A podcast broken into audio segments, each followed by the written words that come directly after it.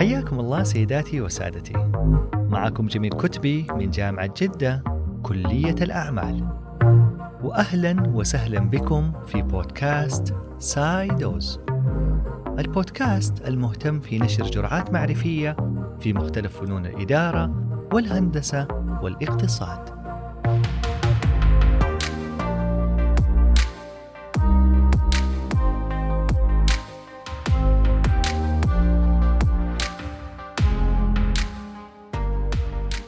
اليوم هي بعنوان حوكمة العلاقة بين رئيس مجلس الإدارة والرئيس التنفيذي.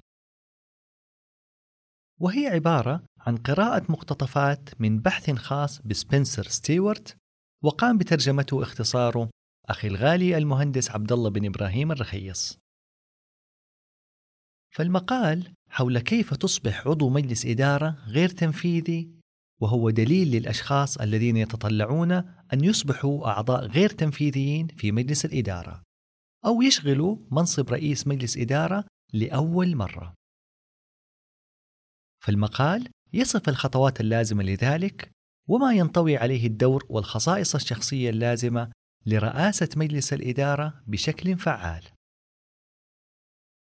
والحقيقة من جمال المقال والاختصار تواصلت مع مهندسنا الغالي عبد الله الرخيص وطلبت منه أن أقوم بنشر المقال في بودكاست سايدوز علشان يستفيد منه أكبر عدد ممكن لما فيه من فوائد وملاحظات مهمة. المهندس عبد الله الرخيص من أجمل العقول السعودية اللي يمكن أن تمر عليك.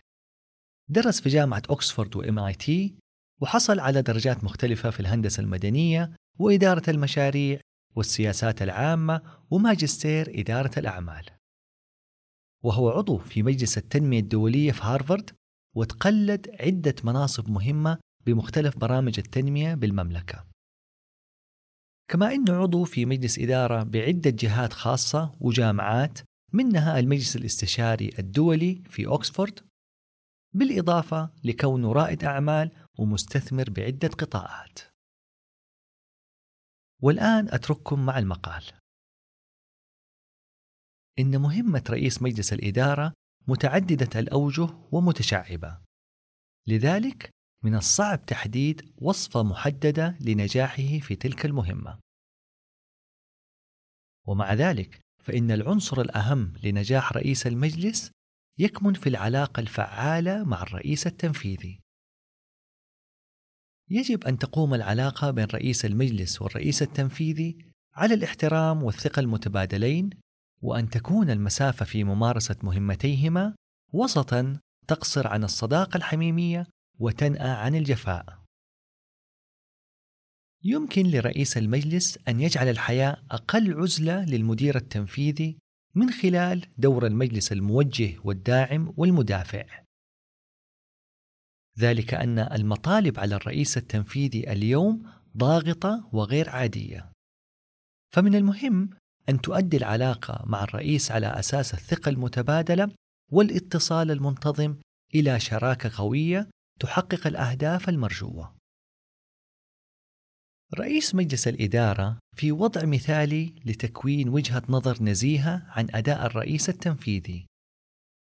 مع مراعاة آراء أعضاء المجلس الآخرين فإنه لا يوجد شيء في علاقة رئيس المجلس مع الرئيس التنفيذي يحتاج إلى التنازل عن الحرية في اتخاذ الإجراءات اللازمة بما في ذلك عزل الرئيس التنفيذي إذا اعتبر مجلس الإدارة أن ذلك يخدم مصالح المنشأة. وعندما يغادر الرئيس التنفيذي لأي سبب فإن وجود رئيس المجلس المستمر في مجلس الإدارة يقلل من مستوى الصدمة في العمل. ويمكن لرئيس المجلس أن يقوم بتطوير خطة التعاقب الوظيفي أثناء وجود الرئيس التنفيذي. إذا كانت علاقة رئيس المجلس مع الرئيس التنفيذي متأزمة وغير صحية، سواء كانت ودية وقريبة جدا أو تنافسية ومتأزمة للغاية، فإن جميع وظائف وأدوار مجلس الإدارة الأخرى معرضة للخطر. يمكن أن تكون الآثار المترتبة على العلاقة غير الصحية بين رئيس المجلس والرئيس التنفيذي ذات مخاطر كبيرة على الشركة ولكن كيف نبني علاقة عمل مهنية جيدة وتنميتها بمرور الوقت؟ الإجابة هي من خلال تفهم واضح للأدوار والمهام والصلاحيات بين رئيس المجلس والرئيس التنفيذي. وعلى الأخص فيما يتعلق بأدوار والتزامات كل منهما. ويجب أن يرتكز هذا الفهم على عدد من المبادئ التوجيهية على النحو التالي. يجب أن يكون المنصبان متكاملين وأن يتم تحديدهما بدقة ووضوح بعبارات محددة جيدا. رئيس المجلس مسؤول عن إدارة أعمال مجلس الإدارة بينما يدير الرئيس التنفيذي أعمال الشركة ينبغي مراعاة عدم الخلط بين الدورين والتأكد باستمرار أن رئيس المجلس والمدير التنفيذي على اطلاع مستمر وامتثال تام للالتزام بأدوارهما وعدم الدخول في حمى الطرف الآخر. بما في ذلك البروتوكول الذي يحكم العلاقة ومستوى التواصل الذي يخضع لتقييم كلا الجانبين. يتواصل البعض طوال الوقت بشكل غير رسمي عن طريق الرسائل أو المكالمات الهاتفية أو اللقاءات غير المجدولة وغير الرسمية والبعض الآخر يعقد اجتماعا اسبوعيا فلا يفضل معظم الرؤساء التنفيذيين جدول الأعمال الرسمي لمثل هذه الاجتماعات واللقاءات ويكتفون بتبادل النقاط والأسئلة ذات الأهمية وتلقي الملاحظات والتوجيهات وتقديم الإيجازات عن سير الأعمال والمهام العاجلة وذات الأولوية. فمن المهم أن يرى الآخرون رئيس المجلس والمدير التنفيذي على أنهما يعملان معا كفريق واحد عن قرب في علاقة أساسها الثقة المتبادلة. يجب أن تكون العلاقة صريحة ومفتوحة مع معالجة التحديات والمخاطر المحتملة في وقت مبكر. فمن الضروري أن يتمكن الرئيس التنفيذي من مشاركة الأفكار والمخاوف مع رئيس المجلس بحرية وأريحية.